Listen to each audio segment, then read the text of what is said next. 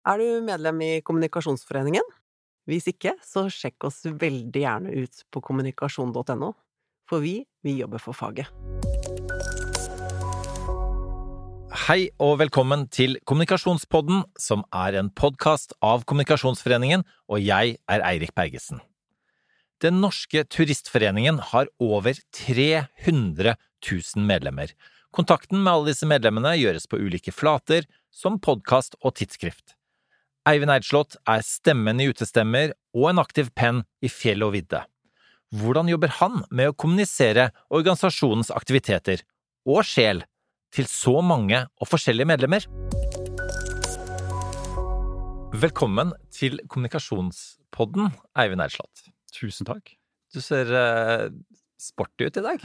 Det er det, det er det, du pleier å si til dine gjester i Utestemmer. Det er veldig bra at du stjeler min åpningsreplikk. Ja. Jeg vet ikke om det funker så bra i, innen kommunikasjonsbransjen? Men... Jo, jeg tror kanskje at skryt er noe vi alle kunne tenke oss i starten av en samtale. Ja. I hvert fall høre at man ikke ser sliten eller trøtt ut, eller bleik fordi det er desember, da. Så det å, det å komme med sånn liten uh, Et lite drops, det er fint. Men sporty er jo, er jo det på en måte alle ut, Altså ikke utelivsfolk, for det er ikke det dere kaller dere. Eh, Nei, ja, Ut, uteliv på en annen måte. En annen, et annet uteliv. Eh, som, det er jo strengt tatt inneliv, for øvrig. Ja, ja. Det å gå på byen. Eh, men, eh, men, dere turfolk, eh, sporty er jo et ordentlig kompliment. Eh, kanskje ikke i kommunikasjonssammenheng. Hva er en tilsvarende kompliment, kanskje? I kommunikasjon? Ja, du ser Du ser Du høres kommunikativ ut, for eksempel. Ja, ja. Du høres veltalende ut i dag. Ja. Eller du har mange velformulerte setninger i dag. Jøss, har du overskudd? Ja, ja. Men, og, og det, det, pleier du jo alltid å ha, Eivind, eh, i dine podder. Og nå sitter vi inne. Podden din heter, eller din, altså Turistforeningens pod, mm. som du leder, mm. eh, heter jo Utestemmer. Ja. Nå sitter vi med to innestemmer ja. og prater. Det må være lov. Vi har mange innendørsinnspillinger, vi òg. Ja. Flest av deg, altså. Um, og ikke bare altså dette med Altså, du er også kjent for å ha en For at din stemme er en veldig behagelig stemme å høre på. Ja, det er en sånn uh, helt oppsiktsvekkende hyggelig ting å høre, for det vet jo jeg ingenting om sjøl.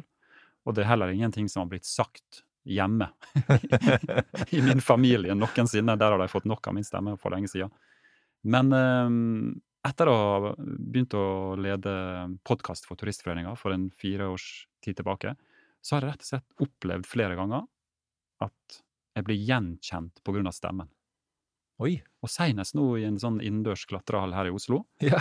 så sto jeg og snakka med min kjære sønn på åtte år om åttetallsknuten, og prøvde sikkert å være litt sånn overpedagogisk.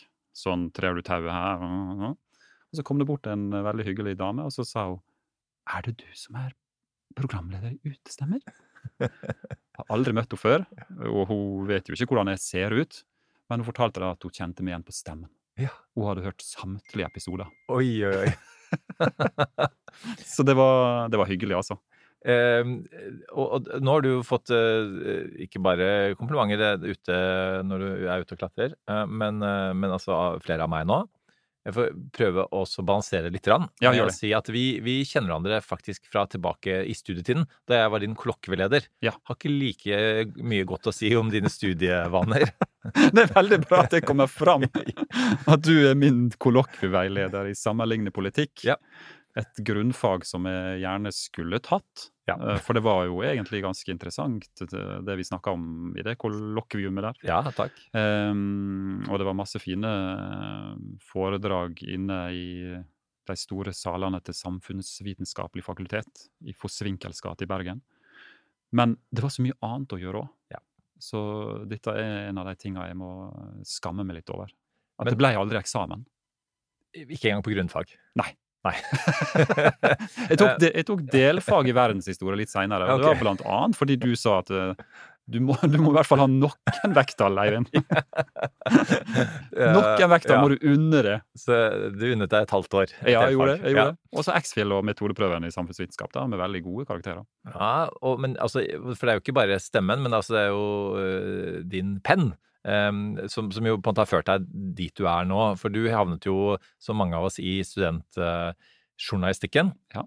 Eh, og, og, og vi, jeg tror faktisk vi må, vi må ta den historien eh, med Fordi dette handler jo om eh, deg og ute Altså det store utendørs. Ja, ja. Um, The Great Outdoors. ja, det hørtes bedre ut på engelsk, eh, jeg også syns det jeg sa det. flott ut.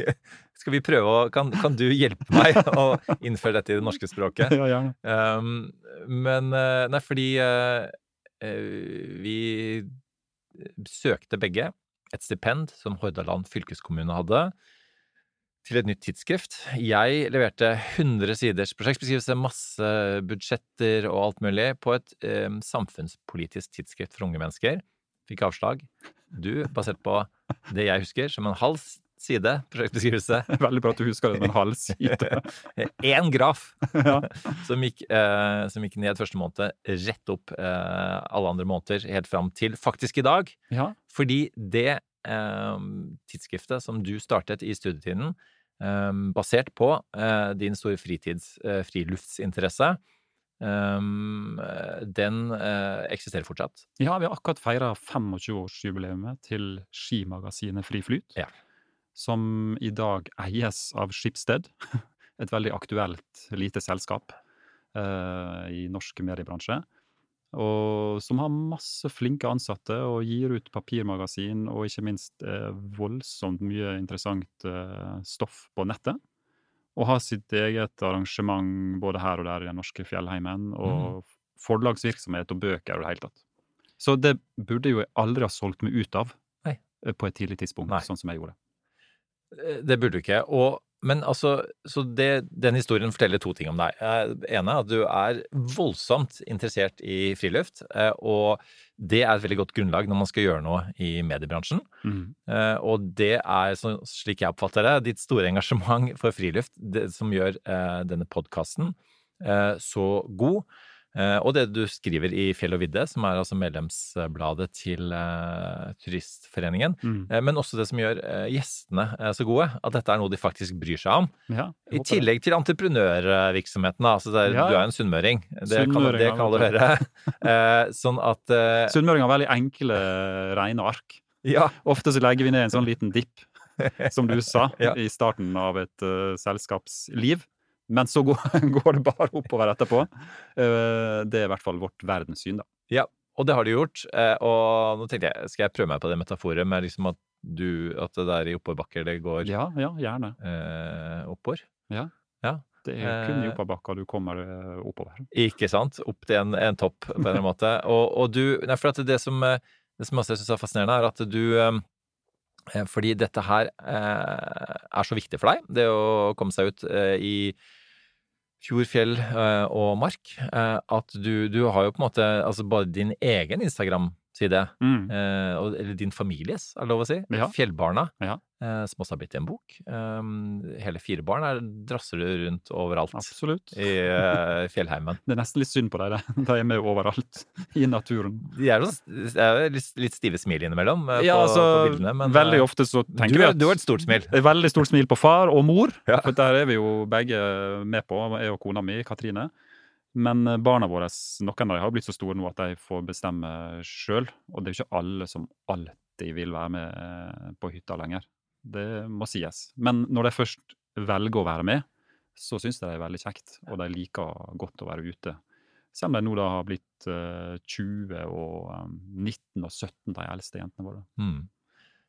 Men, men det med eh, Ok, så vi har etablert den store friluftsinteressen ja. og på en måte entreprenørskapet som du du, altså du begynte jo veldig tidlig eh, å jobbe med Turistforeningen. Mm. Eh, Du begynte jo tidlig å skrive for de eh, i, i fjell og vidde. Ja. Eh, Og den derre Altså på en måte eh, Mange, ikke minst sånne eh, naturmennesker som deg, vil jo tenke at eh, det er jo umulig å, å eh, formidle opplevelsen av å være på tur. Mm. Eh, Du måtte jo være der, Mm. på toppen av det fjellet, for å virkelig kjenne det.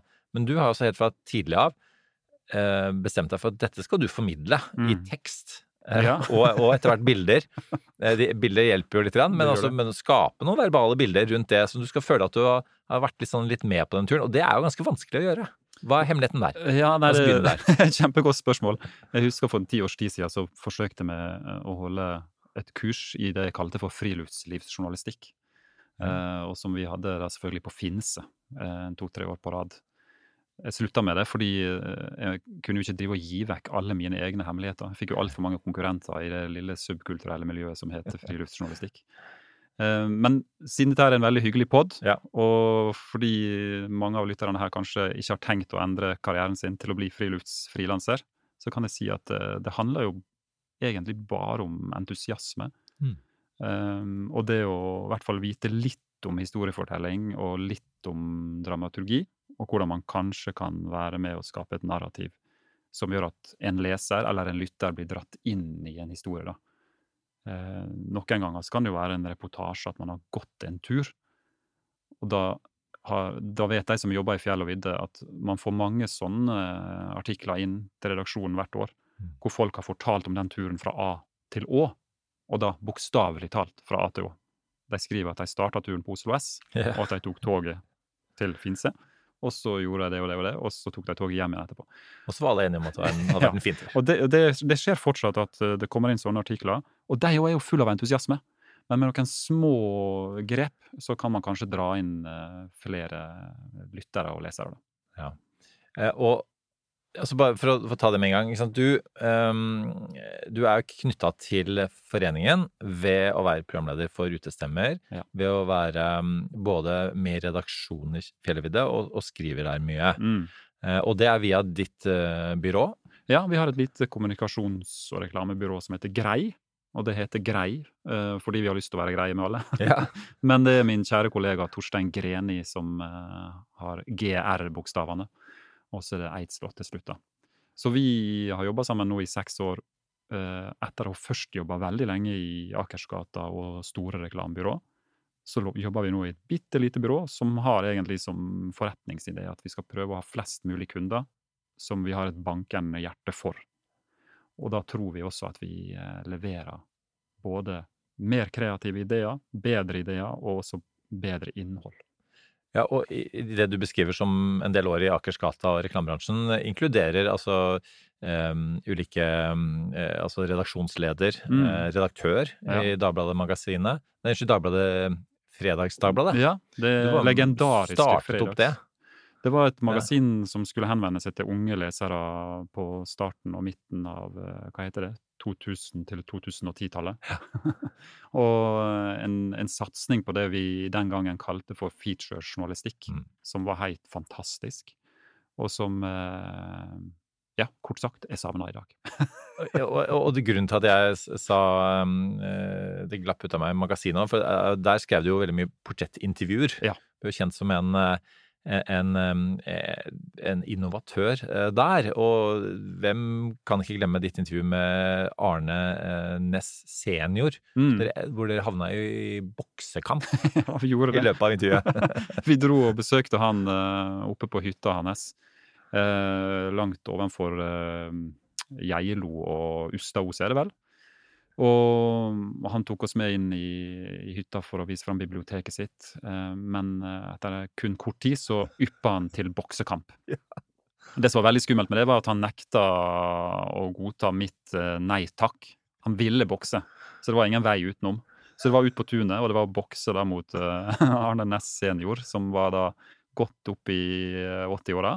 Eh, og han fikk inn et par slag. Ja, for han hadde, han hadde faktisk eh, boksehansker, Ja, som altså, dere ble tildelt begge to. Nå skal vi bokse, tror jeg det ja, du skrev. Ja, da, nå Ja. skal vi bokse. Og, og, og det som uh, var like ved å skje, var jo at uh, jeg i, i rein liksom uh, forsvarsmekanisme eh, fikk inn ikke et rent slag, men eh, på en måte en slags upper hand, eller et eller annet hva det heter. Jeg er ikke så god, er ikke så god i boksing. men i hvert fall, det satte han, eh, stakkars mann, litt ut av balanse, slik at han ramla bakover. Nei. Og hadde det hodet da uh, truffet en steinhell eller et eller annet, så hadde jo det vært uh, krise. Ja. Men han var jo myk. Myk i kroppen, altså, selv om han var langt, langt opp i 80-åra. Ja. Og bare rulla rundt som en katt. Rett opp igjen, og fikk inn et nytt slag i meg, da. Så det, det, gikk, eh, det gikk bedre for han enn for meg i den boksekampen. Det kunne vært tidenes PFU-sak, det, hvis du hadde endt Jeg tror på det Arne sine Det var mange av gjestene hans som måtte det der, da. Ja. men, men, ok, da, da, er vi inne på liksom ditt um, Nå har vi etablert det forretningsmessige her. Ja. Eh, nå er vi inne på noe av det som er, er nøkkelen til um, podden, da, som er det vi skal på fokusere på nå. Altså det, den relasjonen du får med intervjuobjektet. Mm. Um, og, og, det gjelder jo, inkluderer jo da Arne Næss her, er jo det derre um, ja, interessen for eh, friluft, uh, og som du sier, som, som, må være genuin i utgangspunktet. Mm. Fordi det er jo lov å si, hvis man scroller seg gjennom gjestelisten, at her er det mye kjente mennesker. Mm. Man kan til og med kalle det kjendiser. Ja. Men når man begynner å høre på, så, så merker man jo straks at dette er jo ikke Uh, bare som trekkplastre, uh, eller som programhelter. Dette er jo folk som faktisk uh, bryr seg mm. om, om, å gå på tur. Ja. Um, og, og, noen er, er litt sånn akkurat begynt med det. Mm. Noen skulle ønske å gjøre mer av det, men alle har noe sånn genuint da, som du klarer som å lokke frem hos dem. Jeg håper det, i hvert fall. Ja. hva, hva, er, hva, er, metoden? For, uh... Nei, så Metoden er jo egentlig den du beskrev allerede, at uh, en del av disse ganske så kjente navnene som kommer som gjester i Utestemmer, de er jo vant til å bli intervjua kanskje mer om uh, enten idretten sin, eller musikken sin, eller mm. bøkene de skriver, eller en eller annen form for et, et form for talent. Uh, og noen ganger så blir du intervjua av sånn som jeg var før, da, en Dagbladet-journalist eller en VG-journalist eller i TV 2, og så varer ikke det så lenge, og spørsmåla er litt sånn uh, om ting som kanskje er litt vanskelig eller rart å svare på. Mens hos oss så skal vi jo snakke om det de egentlig brenner for. Mm. Altså det som også for deg står hjertet nærmest. da. Det å være ute, og det å bruke naturen. Det å være i fjellet eller i skogen eller i marka på ski eller til fots eller med klatreutstyr. Og det, det å lokke fram det de egentlig da viser seg å være kanskje mest glad i å drive med på fritida si, det er jo et privilegium. For da, da er det akkurat sånn at garden senkes. Mm. Og så kan vi i dette lille podkaststudioet, eller hvis episoden spilles inn ute i skogen, så kan vi på en måte bare finne en helt annen tone i samtalen enn det vi kanskje ville gjort ellers hvis vi skulle snakke om andre ting enn mm. en friluftsinteressen. Mm. Så jeg tror det, det, å komme inn i et trygt rom hvor du vet at du skal, du skal snakke om noe som du er veldig glad i, og som du brenner for Sikkert litt sånn som gjestene dine her, da. Ja, at man absolutt, brenner for mm. kommunikasjon også som et fag, mm. som er jo, jo gjør. Ja det, det, den tryggheten, um, og også interiøret her i studio og sånne ting, er med på å påvirke til at det blir en forhåpentligvis hyggelig samtale, som igjen kanskje både er underholdende og muligens også litt lærende for de som lytter. det. Ja, og eh, altså en, en, sånn forskjell da, mellom disse to podene eh, er jo eh, at eh, de vi har i studio, de jobber jo med dette. Mm. Mens de du har i studio, de jobber med noe annet. Så på en måte den det å bevege seg ut i naturen, det blir på en måte det de gjør for å på en måte Altså det motsatte av det de jobber med, mm. Eh, og det de gjør for å måtte koble av. Ja. Og dermed også når du kanskje inn til en sånn derre nerve av noe sånn hverdagslighet og menneskelighet hos disse ofte på en måte fetterte menneskene, da, så, mm. som har all verdens meritter i jobben sin. Ja, altså vi har jo, vi har selvfølgelig også noen gjester som lever av ja. å være ekspedisjonsledere eller deltakere, og som er på tur uendelig mye. En av episodene som kanskje har blitt lytta mest til, er jo med Cecilie Skog, ikke sant? Mm. Og Børge Ausland og uh, flere andre som, som lever av å gjøre grensesprengende ting i naturen.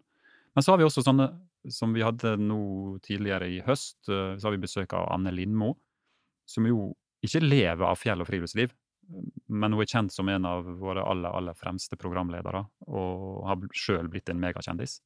Og så kommer hun til oss, og så skal vi egentlig bare snakke om det hun har funnet ut at hun brenner mm. mer for enn noe annet i livet sitt, nemlig det å være ute, det å gå tur, og det å være på fjellet, og det å gå fra den hytta til den hytta, og det å vaske opp i en oransje balje.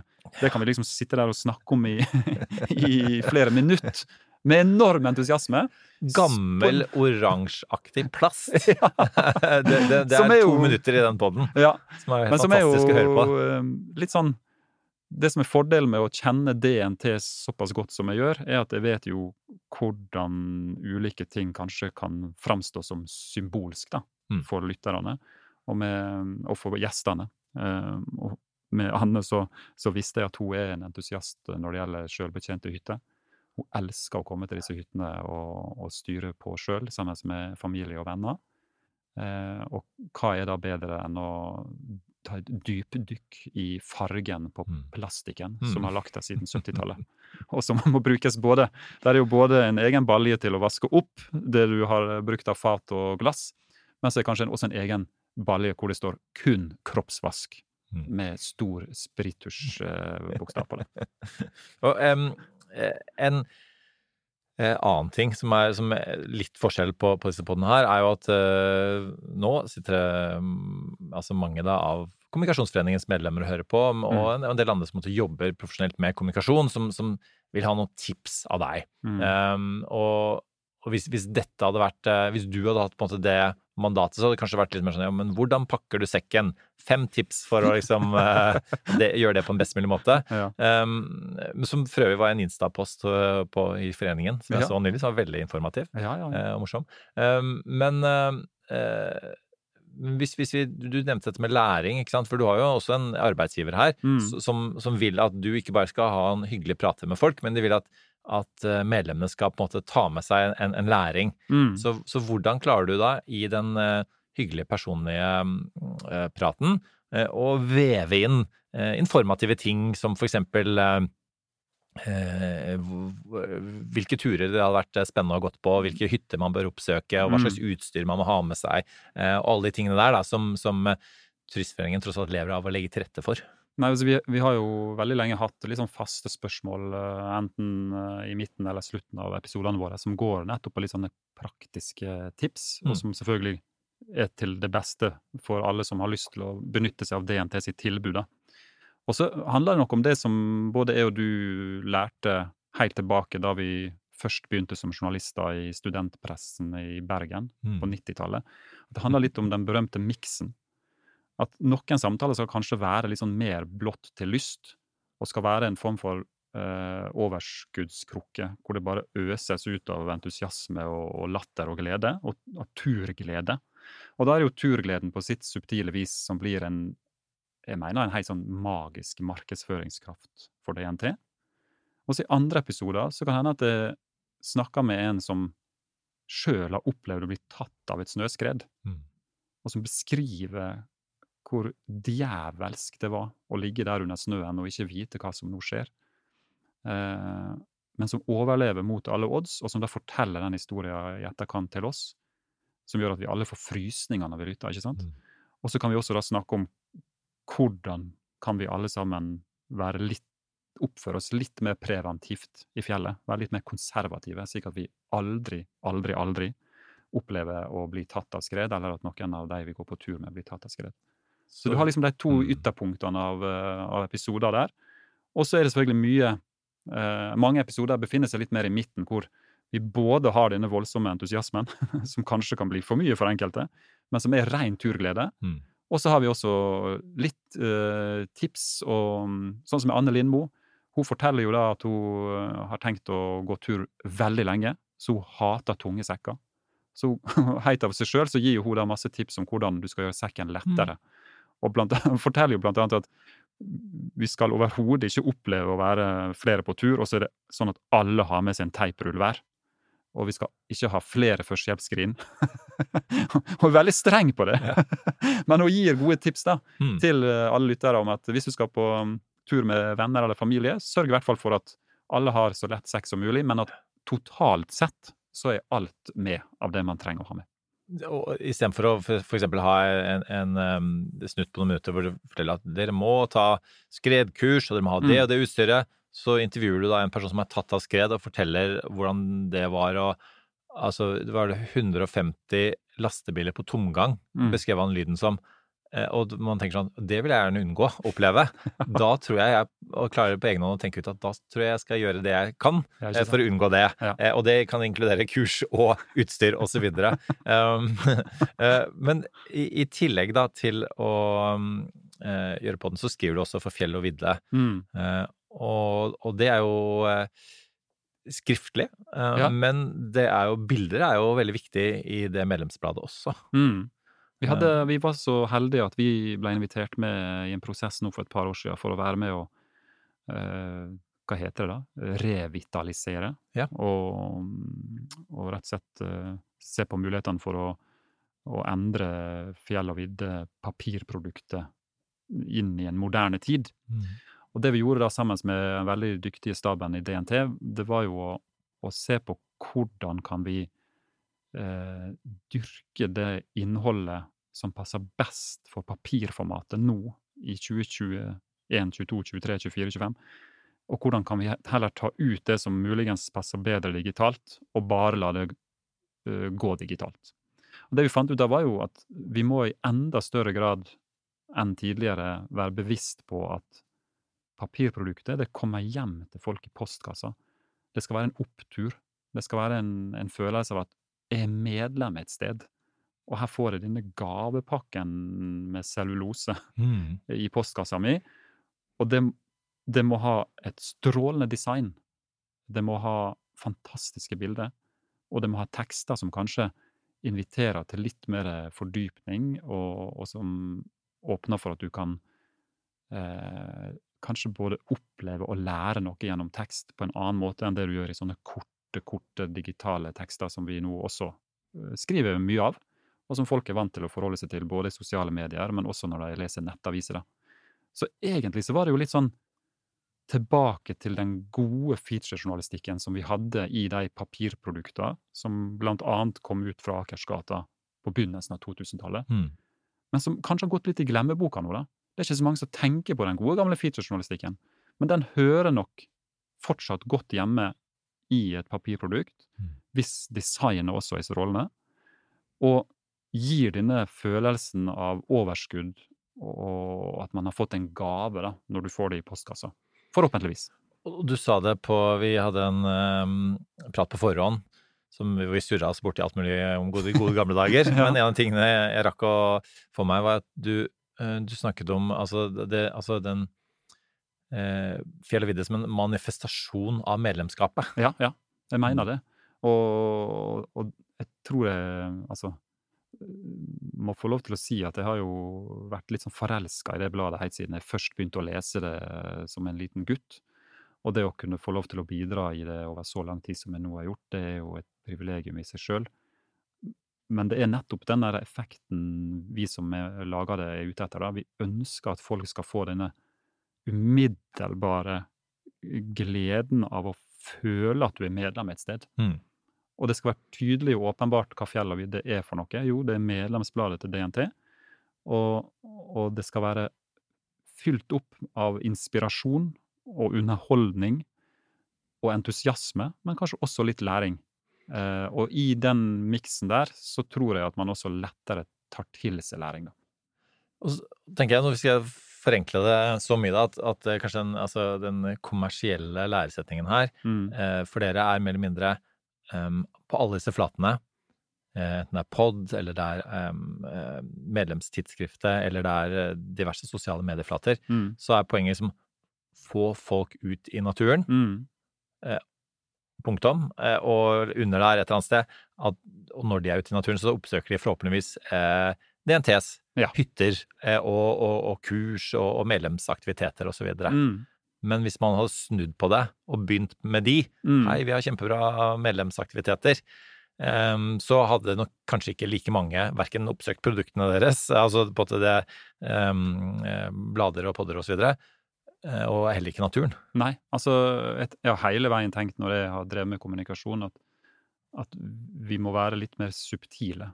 Og vi må heller hente fram den generelle entusiasmen og prøve å sitte rundt det samme leirbålet enn å gå rundt med en plakat hvor det står 'Hurra for DNT'. Ja. For jeg mener jo virkelig at det er all grunn til å rope tre ganger 'hurra for DNT'. Men eh, lytterne og leserne våre eh, vil heller, tror jeg, ha den entusiasmen og det engasjementet og den kunnskapen som DNT bidrar til. Og så kan vi subtilt da på en måte løfte opp DNT som den aktøren som kanskje i Norge er ledende på å gi oss alle muligheten til å være ute og nyte det enkle friluftslivet. Ved f.eks. å bo på ei sjølbetjent hytte, eller ubetjent, hvor du må ta med maten sjøl. Eller å gå fra den hytta til neste hytte via T-merka stier, eller kvista løype om vinteren. da. Så den, den aller største plakaten dere går rundt med, er egentlig ikke Heia DNT, men Heia naturen. Jeg tror det er veldig viktig for DNT å, å, å av og til fortelle at vi er Norges største friluftsorganisasjon, og vi har så og så mange medlemmer. Og vi gjør så og så mye bra i norsk natur. Men dypest sett så ønsker jo DNT bare at vi alle sammen skal være mest mulig ute. Både av litt sånn folkehelseprinsipp, men også fordi DNT, og kanskje oss alle, vet at hvis du liker å være ute i naturen, så vil du også sannsynligvis være mye mer opptatt av å ta vare på naturen. Og i den nesten litt sånn naive læresetninga der, så ligger kanskje selve magien til DNT. da. Og eh, om det er eh, håper å si eh, Gud eller noen planeter som har krasja sammen, som har skapt denne naturen. Ja. Det er jo i hvert fall ikke DNT som har skapt den. Eh, Så, så er det noe der, og det er jo en fantastisk ressurs eh, å ta utgangspunkt i. Mm. Um, men hva er det dette sier, da, eh, til alle de der som, som jobber i ulike kommunikasjonsenheter, Mm. eh, også våre lyttere, i all verdens institusjoner, Mm. som kanskje noen ganger blir litt for opptatt av prosessen eh, og, og redskapene og verktøyene sine, og Mm. glemmer hvilket, hva er produktet vi faktisk selger. Hva er kanskje opplevelsen av det produktet Mm. vi selger? Eh, og kanskje da også har behov for noen ganger å snu litt grann på det. Mm. Um, og at kommunikasjon blir en tilrettelegger for uh, å, å, pushe et produkt som man kanskje ikke engang selv produserer, mens man uh, Mm. eh, bidrar til opplevelser. Altså er det på en måte Hva, hva, hva er lærdommen her? Jeg, jeg tenker at uh, mitt syn på kommunikasjon er vel mer det der at kommunikasjon har mye å lære av historiefortellinga i journalistikken. eh, og kanskje entusiasmen og overskuddet til reklamen, for å si sette litt på spissen. da. Mm. Og så er det av og til sånn at man kan tenke at kommunikasjon det skal være litt mer korrekt. Og det skal være i forhold til en strategiplan. Og man skal ikke bevege seg utenfor den strategiplanen, og man må alltid bare si nøyaktig det som man kan stå inne for i enhver sammenheng, og i hvert fall må topplederen kunne stå inne for det hvis du som kommunikasjonssjef eller rådgiver skal uttale det. Men jeg tenker at veldig mange av de som jobber i ulike selskap og organisasjoner, hadde hatt godt av å øh, være, altså, hente frem litt mer av engasjementet sitt. da. Og hvis det engasjementet glir over i entusiasme, så må jo det være helt nydelig. Og så bruke litt flere av disse virkemidlene, både fra journalistikken og reklamen, til å kunne i hvert fall fargelegge det faget eller det tilbudet man står for, på en så god måte som mulig, uten at du nødvendigvis da tramper i salaten eller liksom går langt utover eh, mandatet ditt. Men jeg savner av og til at, at også vi som jo driver med kommunikasjon på vegne av ulike oppdragsgivere, at vi Jeg savner av og til at man eh, tar i bruk eh, flere av virkemidlene du har, da. Mm. Og, og når det gjelder virkemidler, så er jo det vi sitter med her nå, er jo et av de mest eventyrlige virkemidlene som vi har fått i kommunikasjon. Det at vi som representerer en forening, en organisasjon, et selskap, også kan lage podkast og snakke om det vi interesserer oss for i dette formatet. Og så kan kanskje noen lytte til det vi nå snakker om i bilen sin, eller på kjøkkenet, eller på vei til bussen. Eller på tur. På tur! Altså, det er jo helt fantastisk. Ja. Og nettopp i sånne format som det her, så tror jeg at engasjementet og entusiasmen og fargelegginga hører hjemme. da.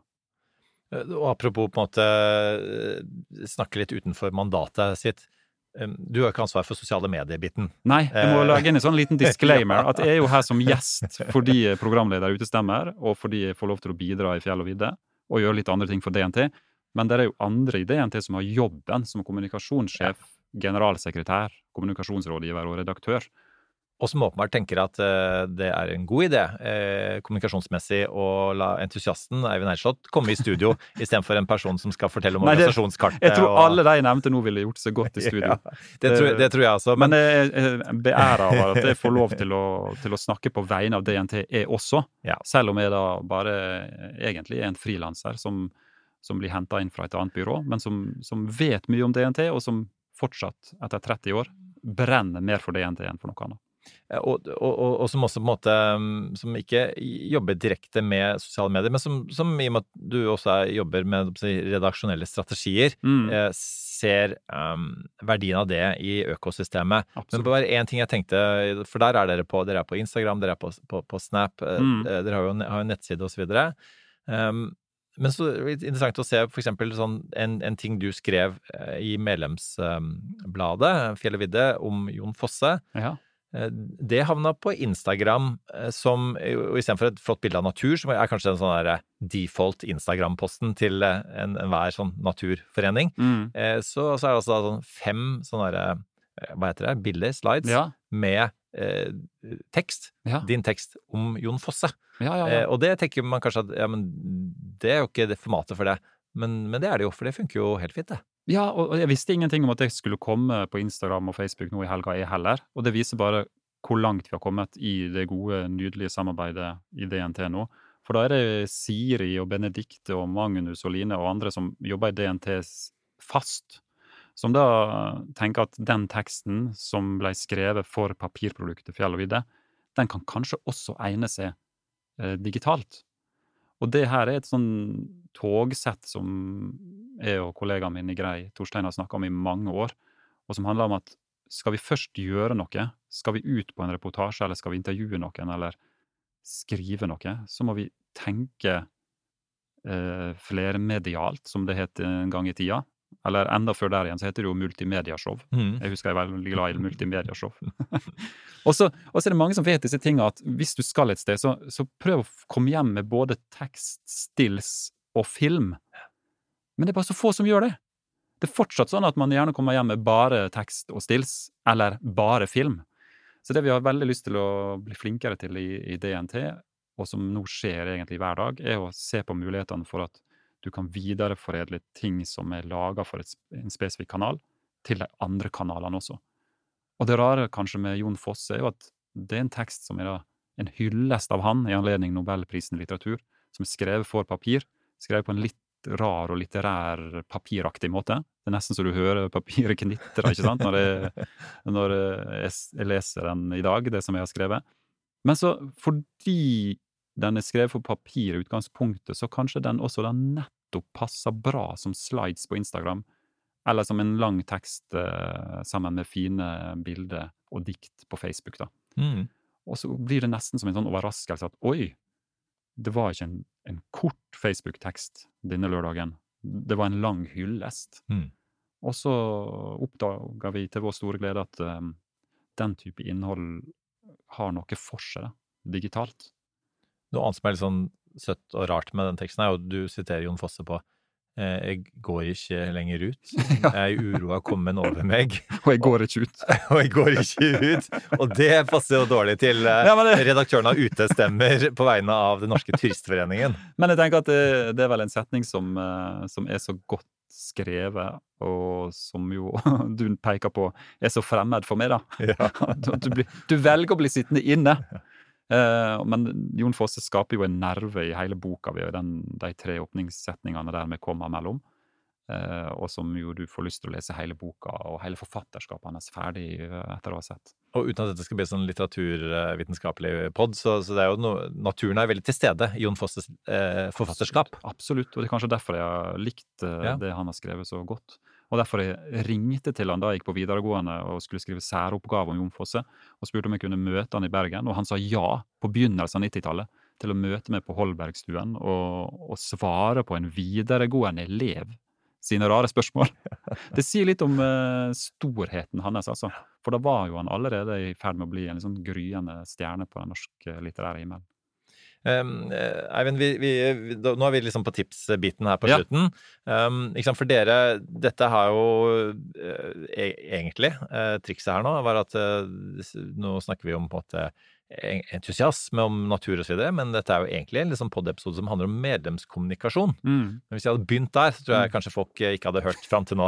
Men det er fint å ta det til slutt. Ja, så ikke skru av enda, fordi eh, medlemskommunikasjon det betyr jo at, eh, og i en, spesielt en forening hos, som dere, det skal nå ut til ganske mange forskjellige typer mennesker. Mm. eh, På mange ulike eh, si, plattformer i livet, Mm. og på mange ulike kommunikative plattformer for dere. Mm. Eh, og så, eh, som vi var inne på i stad, så, så, på måte, man har lett for å tenke sånn ja, Instagram, da skal det være et bilde, skal være to setninger. i papir skal være sånn og sånn, og sånn og sånn. Og så har, føler jeg at det vi har formidlet nå, er at nei, nei, nei, nei det, så lenge på en måte eh, organisasjonens oppdrag kommer frem, sjelen Mm. eh, når frem Ja. eh, av folk som deg, som har jobbet med dette her og brent for dette i, i veldig mange år, så, så går det greit. Mm. Eh, man må tenke litt utenfor eh, boksen. Mm. Um, men um, eh, hva, hva, hva tenker du liksom er, er eh, ja, tipsene så, så når dere sitter og tenker redaksjonelt, strategisk, og skal nå ut til alle disse medlemmene? Hvilke, sånn, hva, hva er på en måte de viktigste tingene dere er opptatt av der? For å favne Nei, du- medlemsskaren. Ikke sant? Du, du peker jo på mm, noen kanaler som vi sitter på, og, og så må jeg få nevne at uh, nok en gang jeg er jo bare da en heldig bidragsyter. Det finnes andre i DNT som har det her som sin faste jobb, og skulle meisle ut kommunikasjonsstrategier og, og innovative um, kampanjer. Og det er de veldig flinke til. Mm. Men vi får lov til å bidra, og DNT har jo kanskje som både privilegium og problem at de skal nå ut til hele landet. Og hele befolkninga. Og de har jo nå over 300 000 medlemmer. eh, og det å skulle både da snakke til de som ikke er medlemmer, fordi man kanskje ønsker seg flere, og det å snakke til de som allerede er medlemmer, det er jo en krevende øvelse, fordi alderen er fra 0 til 100 år. Og det er alle slags interesser, både fra de som liker å gå rando-tur til spisse topper i Lyngsalpene, til de som kanskje bare har gått inn til tømtehytta i marka, ikke sant, og syns at det er en ekspedisjon nok i seg sjøl. Og du har de som er besteforeldre og oldeforeldre, og de som nettopp har fått sin første ettåring. Så det å favne alle disse gruppene, og samtidig fortelle om hele det rike tilbudet som DNT har, det krever selvfølgelig gode strategier og såkalte årshjul. Eh, og det krever mange spennende kanaler. Nå har de et medlemsblad, heldigvis, på papir den dag i dag, som vi snakka om i stad, men som er jo på over 100 sider, ikke sant, og, Mm. og, som, og som kan eh, fortelle historier fra mange forskjellige ulike vinkler, og som har flere utgaver i året, så der kan du favne bredt. Og så har de disse fantastisk store kanalene sine, Facebook og Instagram, TikTok og Snapchat, hvor det fortelles historier hver eneste dag til ulike målgrupper. Og hvor de ulike kanalene selvfølgelig representerer også ulike aldersgrupper. da. Vi to er jo kanskje nå Facebook-brukere og Instagram-brukere. Mm. Du er sikkert flinkere enn meg på Snapchat og TikTok, men, men det er kanskje der på de to sistnevnte at, man treffer litt yngre målgrupper. Mm. Ikke minst på TikTok. Mm. Og så um, tenker jeg at DNT har jo også en såpass sterk posisjon i samfunnet at de, de får også anledning til å fortelle historiene sine utover medlemsblad, sosiale medier og podkast. Altså, de får anledning til å fortelle om det nesten hver dag i lokalaviser, regionaviser, og også heldigvis i en del nasjonale medieinstitusjoner. Så får de lov til å fortelle hva de er opptatt av, hva de brenner for, hva saker som er aktuelle, hvordan de jobber, og hva som nå er tilbudet vårt. Og de siste åra har de blitt utrolig mye flinkere til å nettopp senke terskelen for å bli med. Og, og rett og slett åpne opp organisasjonen, og kanskje også dermed også åpne opp hele naturen og friluftslivet til helt nye målgrupper og, og brukergrupper. Mm. Så nå er jo et av de viktigste um, satsingsområdene å liksom vise frem nærfriluftslivet, og at um, uh, turglede det er noe som kanskje alle kan oppdage, bare de får anledning til det. Og du trenger ikke så voldsomt mye kunnskap fra før av. Eh, nærturen er enkel og lett tilgjengelig. Og hvis du vil, så kan vi som organisasjon være med deg hele veien fra din aller første tur til du plutselig en dag står på toppen av store Austabotn-tind og har mm. uh, klatra opp dit da med fjellsportgruppa. Mm. Dette er jo inspirerende å høre, um, Eivind, og, og det, jeg tror virkelig at dere når frem til at både de som på en måte skal eh, som, som teller topper, eh, på sånn Strava-vis, eh, og de som bare er ute og skal bare kjenne litt på sitt eh, si, indre eh, sjelero. Ja. En indre sjelero på Glitterheim. Det er deilig, det òg. ja, ja eller, eller bare på, på, på, ikke engang på en topp. Nei, Altså, det er vanskelig for dere sunnmøringer å forestille dere. Men bare gå litt innover i skogen og tilbake. Jeg blir glad i skogen nå etter 25 år i Oslo. vet du. Ja. Eh, men altså, hvis du Det er jo Det med natur er jo også en av de mest sånn Nå er, liksom, nå er det på en måte politiske kommentatoren i meg da, som eh, eh, tar på meg eh, den hatten, eller den eh, lua. Mm. eh, som du er jo en eh, lue inne. Ja, jeg er veldig glad i Ja. Så jeg er Eh, nesten alltid på. Holder meg frisk gjennom hele vinteren. Og jeg har noen ganger følelsen av at jeg sitter med flere sånne luer, eller hatter, i sånne podder som det her. Men, men hvis du bringer inn politikken i det, da liksom, Natur er jo et stridstema, da. Enten det er på en måte øh, hvor i naturen vindmøller skal bygges. Mm.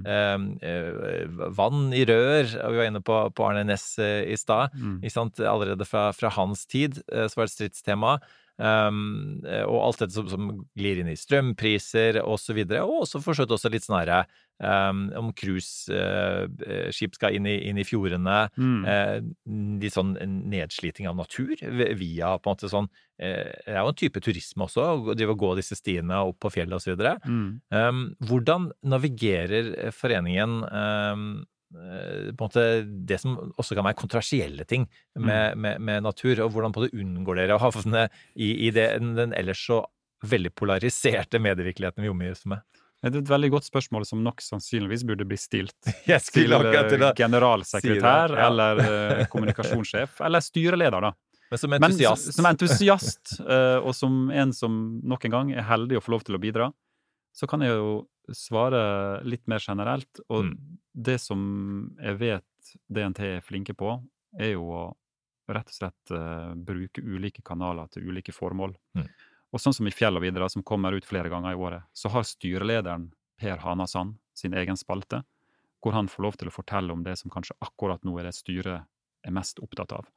Og der er det lov å tenke store tanker, da. Og jeg mener at Per er en filosof, for han, han tør i et medlemsblad for DNT, som styreleder i DNT, og snakke både om eh, kontroversielle saker i naturen. Eh, han tør å, å se seg sjøl i speilet, altså at- DNT ser litt på hvordan kan vår eh, virksomhet også være med på å påvirke naturen, og hvordan burde vi også bli enda flinkere til å kvitte oss med et dieselaggregat på en betjent hytte, og heller gå for eh, solcellepanel på det taket. Mm. Og han, han tør også å, å skrive at uh, nå er det krevende tider, det er krig og, og mye usikkerhet i verden og i folks liv. Så jeg føler at der eh, er det muligheter for å dra de store linjene i den spalten. Og så vet jeg at uh, i eh, DNT sin store administrasjon og blant alle de tillitsvalgte, så er det altså så mye engasjement på vegne av naturen at det finnes jo både egne fagansatte og egne komiteer som jobber med de store sakene, som kan handle om hyttebygging, vindmøller, eh, det kan handle om eh, villrein, eh, og det kan handle om det som også har blitt et ord nå, friluftsparadokset.